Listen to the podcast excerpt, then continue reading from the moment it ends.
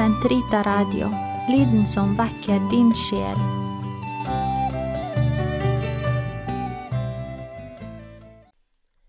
Karmels hage, 13. episode Gleden Kom, la oss juble for Herren, rope av glede for Gud, vår frelse.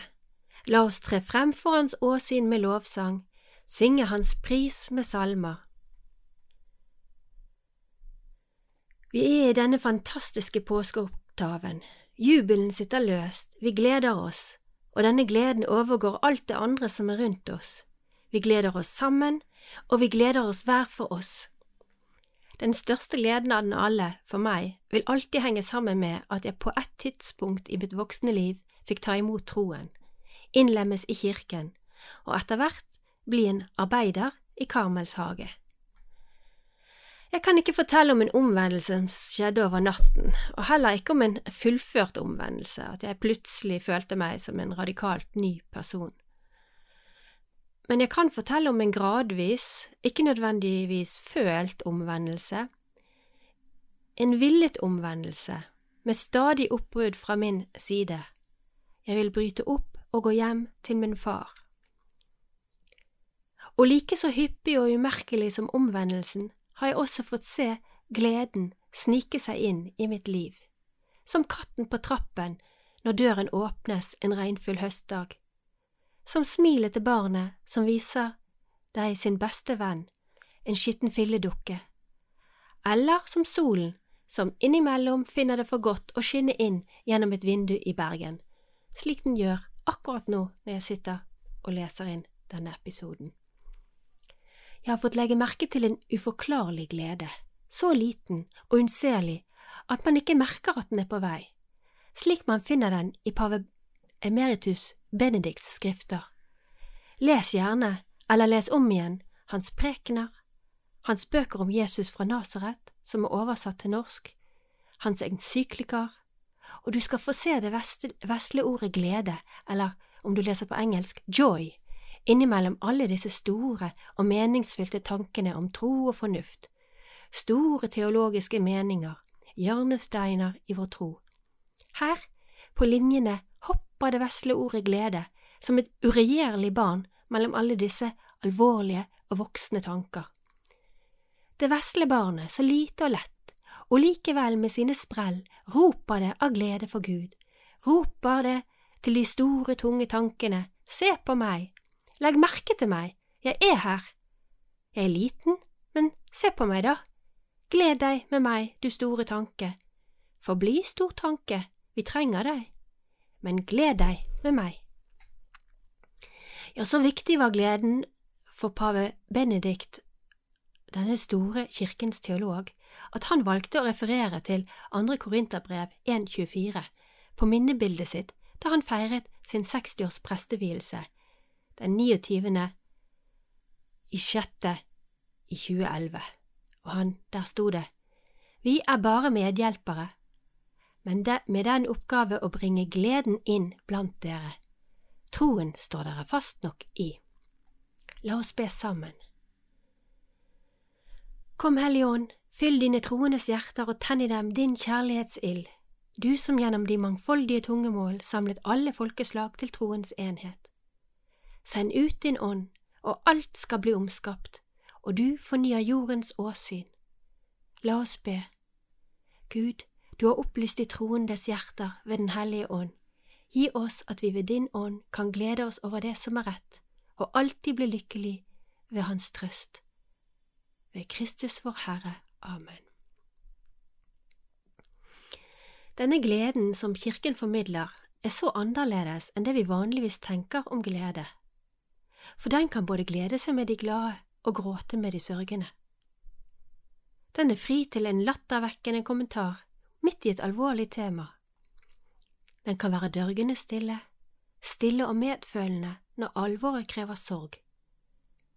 Men den er der uansett situasjon, fordi vi vet, som den hellige Elisabeth av treenigheten visste, at dypt der nede i avgrunnen når vi seiler utfor avmaktens rutsjebane, som hun skriver, er det én som tar imot oss. Dypt der nede er Guds armer, dem som alltid tar imot. Gleden veller altså frem fra ditt indre dyp, og den kan fryse i vintermørket og smelte med vårbekken. Den er ikke underlagt menneskets vilje eller kontroll. I boken Den nye vinen, om åndens frukter, skriver broder Wilfrid Stinesen om gleden. Den kristne gleden veller fram fra ditt indre dyp, der du er Guds elskede barn, der du i Den hellige ånd sier Abba, elskede far. Der på dypet er du mye større enn ditt ytre. Så snart du nærmer deg Gud, får du noe av hans grenseløshet. Så har også den kristne, kristne gleden en helt annen bredde, lengde og høyde, og et helt annet dyp enn den verden pleier å snakke om. Den kristne gleden står ikke i motsetning til lidelsen. Den utsletter ikke nødvendigvis sorg og smerte. Den er så vidstrakt og altomfattende at den rommer og omslutter selve lidelsen. Den kristne gledens hjerte er så stort at det finnes plass for smerte i det. Ja, sågar kan lidelsen være opphav til enda større glede i horisonten, slik Sankt Peter skriver i sitt første brev. Gled dere jo mer dere får del i Kristi lidelser, så dere kan juble av glede når Han åpenbarer seg i sin herlighet. Og skulle du synes at den kristne gleden er litt fjern, hent frem de vakre ordene din biskop eller biskopens stedfortreder ba ned over deg ved din konfirmasjon. Fermingens salving er alltid virksom, disse åndens gaver kan ikke annet enn å produsere frukter. Om du har latt denne gaven slumre i ditt liv, la Herren vekke dem til live. Hør i ditt indre disse styrkende, vakre ord som følger med Helligåndens spesielle komme i en lengtende sjel. Hvor mange ganger har jeg ikke selv hørt disse ordene, bedt over menighetens mange konfirmanter fra vår biskop vårens absolutte høydepunkt for en kateket. Der står han med armene løftet og ber. Allmektige Gud, vår Herre Jesu Kristi Far, du fridde disse dine barn fra synden og gjenfødte dem av vann og ånd. Herre, inngi dem Den hellige ånd, trøsteren.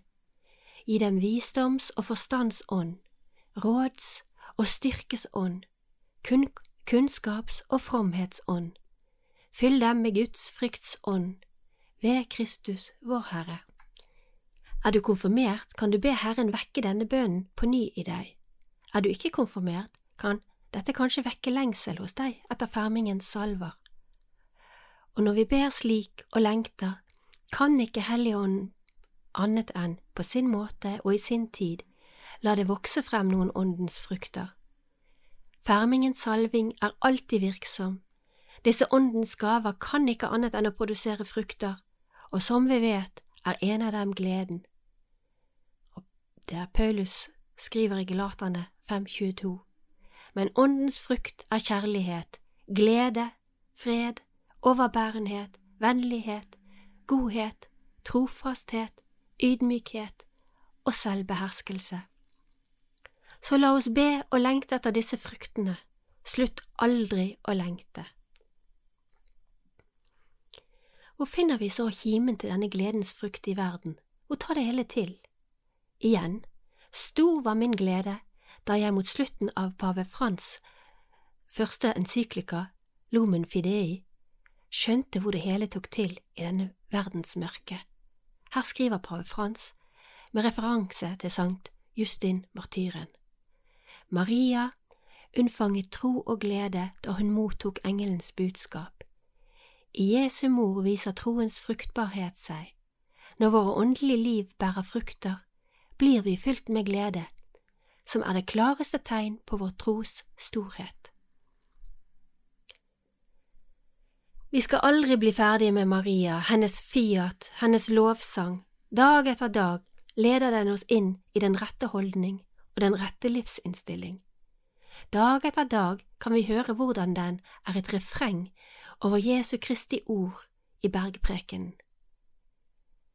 Legg disse to tekstene ved siden av hverandre. Magnifikat og bergprekenen. Du vil aldri glemme hva du erkjenner der. Det er 100 samsvar med Marias grunnholdning og Jesu lære og eksistens. Han er den eneste og fullkomne personalisering av det han lærer oss med ord i bergprekenen. Maria og hennes magnifikat kom før og profeterte hele denne læren. Hver setning i Marias lovsam er et helt intimt forbundet med Jesu ord og liv. Her har vi en mor som drar oss inn, like til kjernen av alt som betyr noe, Jesus Kristus, og hans dype lengsel etter de sjeler som vil gå hele veien med Han. Han som lengter så inderlig etter å dele sin lykke med oss, Han som har lagt lengselen etter lykken ned i våre sjeler, og ved saligprisningene viser oss veien til glede i ham. Så er det altså Maria som personalifiserer disse saligprisningene. Hun er vårt menneskelige eksempel på fullkommen lykke i Gud, og vårt utgangspunkt når vi selv søker lykken i ham. Det er Jomfru Maria, gjennom kirken, som er den jordiske port, hvorved gleden og lykken kan deles. Kirken betegnes i hunnkjønns form og er et bilde på vår mor, Maria. Så er Kirken gledens og troens mor for oss her på jorden. Hennes viktigste oppgave er kontinuerlig å la Jesus Kristus fødes og vokse i verden gjennom sakramentene og i de troendes hjerter. Det innebærer at den alltid og kompromissløst viderefører troen i hele sin fylde. Kirken kan ikke plukke og velge og ta med det som til enhver tid passer best. Kirken kan bare forkynne sannheten, og bare gjennom dem kan Jesus Kristus, sann Gud og sant menneske, fødes i verden. Denne læren er i kortform sammenfattet i Den katolske kirkes katekisme. Dette er rammene, det som er mulig å formidle med ord. Det er ikke hele vår tro, fordi troen ikke kun er kunnskap og moral, men relasjon, samvær med Jesus Kristus.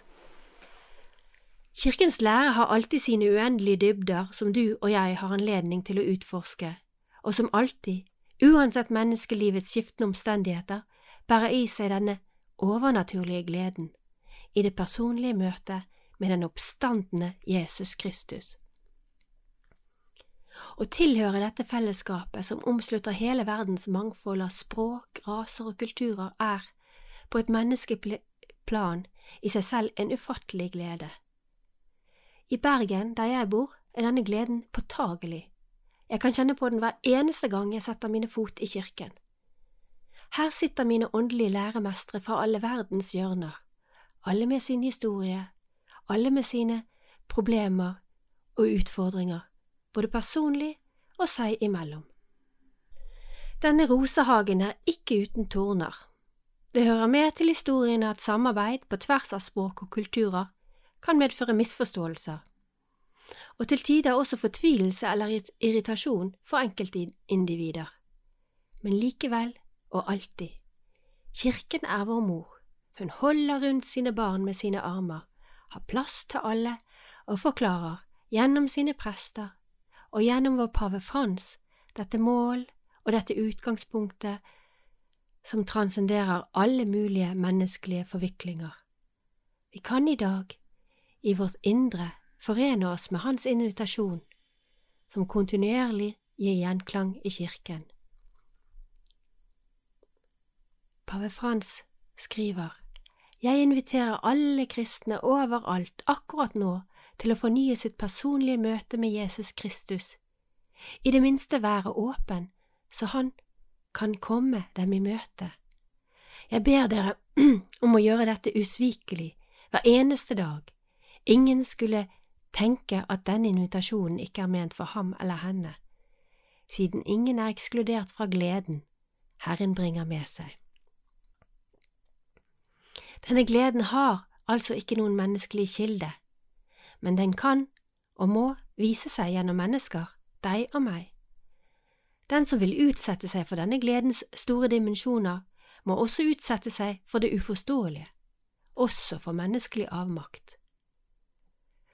Når Gud vil antenne vår gledesflamme, er det ikke kun gjennom ytre stimuli, ikke kun gjennom vakker teologi, klokkeklar lovprisning, smil og omsorg mennesker seg imellom. Ethvert bønnens menneske vet dette. Gud taler på en helt spesiell og personlig måte i den stille susing, også i avgrunnen.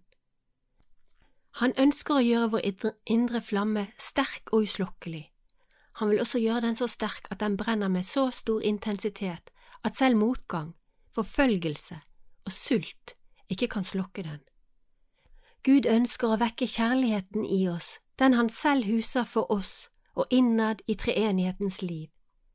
Kjærligheten som trekker oss til evig liv med ham, allerede her og nå. Gud ønsker å nå oss med denne evige, brennende kjærligheten, denne fortærende gledesflamme. Og skulle et slikt møte finne sted, vil det alltid vekke en iver og glede som bare må deles, slik Therese av Avila beskriver det for den sjel som har oppnådd et visst stadium i bønnelivet. Ja, nu åpner blomstene seg, nu begynner det å sende ut sin duft. Her ville sjelen ønske at alle kunne se den og fatte dens herlighet, for at de sammen kunne lovprise Gud. Den ville så gjerne dele sin glede med alle, for den gleden er for stor til at sjelen kan nyte den alene. Jeg synes den ligner kvinnen i evangeliet, hun som kalte sammen sine grannekvinner. Dette står i boken om mitt liv i kapittel 16. Det mot og den iver i evangeliets tjeneste som pave Frans peker på i sin Evangelii Gaudium, har altså en meget dyp beveggrunn, og det er vårt personlige ansvar å sette av tid med vår elskede, la ham puste liv i flammen. Da blir det ikke tungt eller av plikt, eller med alvorstynget moral, at vi forkynner det glade budskap. For det er forenet i stor tillit, takknemlighet og glede med Ham som sier, Dette har jeg sagt derf dette har jeg sagt dere for at min glede kan være i dere og deres glede kan bli fullkommen. Denne gleden er en gave fra Gud, vi kan ønske den, be om den, begynne å legge merke til den i våre liv. Det livet som alltid begynner med nybegynnerens tillit og åpenhet mot Gud. Se, jeg er Herrens tjenerinne, det skjer meg etter ditt ord. Intet kan skille deg fra denne gleden. Pave Frans fortsetter. Vår kristne glede drikker fra dette hjertet som er fylt til randen. Han lovet sine disipler, dere skal sørge, men sorgen skal bli forvandlet til glede. Johannes 16, 20. Han fortsetter så, men dere skal se igjen, og hjertet deres skal glede seg, og ingen skal ta gleden fra dere. Johannes 16, 22. Og til slutt, om du skulle protestere og tro at denne gleden kun er tilgjengelig for dem som ellers har det bra her i livet, så les gjerne Therese av Aviles skrifter, hun som skriver så mye om gleden. Vår kjære Karmels mor Teresa skriver om gleden ustanselig. I sin bok Den indre borgen snakker hun om dette over hundre ganger, mens hun i det lille heftet om høysangen, som heter Betraktninger av Guds kjærlighet, bruker ordet glede 30 ganger. Og om du leser hennes biografi, vil du skjønne at livet var ekstremt krevende for henne. Hun led i perioder av så stor angst at hun ikke kunne være alene i cellen, selv ikke på dagtid. Den gleden hun fikk erfare, vokste frem gjennom fysisk sykdom, stor angst, og man kan kalle det forfølgelse, hun hadde stor motstand i store deler av livet sitt. Vi avslutter for i dag med et sitat fra boken Betraktninger over Guds kjærlighet, kapittel 1, nummer 6. Der skriver Teresa. Jeg kjenner en som i mange år var fylt av stor angst, og det var ingenting som kunne få henne til å føle seg trygg, før det behaget Herren å la henne få høre enkelte ting fra høysangen. Da forsto hun at hennes sjel ble ledet frem på den rette vei. Hun innså nemlig at det er mulig for en sjel som er oppfylt av kjærlighet til sin brudgom, å oppleve alle disse lykkefølelser og svimmelheter, all den død og bedrøvelse, alle disse nytelser og gleder sammen med ham. Når hun av kjærlighet til ham gir opp alt det verden har å by på, og overgir seg helt og fullt i hans hender. Ikke bare med ord slik enkelte gjør, men helt sannferdig, slik at det bekreftes i hennes gjerninger. Å, mine døtre, hvor stor belønning vi får fra Gud. Sannelig har dere en herre og brudgom som ikke unngår å legge merke til og se det som skjer med dere. Og derfor må dere ikke unnlate å gjøre det dere makter for Hans kjærlighets skyld, selv om det skulle være helt ubetydelige ting. Hans Majestet skal belønne dere for det. Han ser bare den kjærligheten dere gjør dette med. Amen.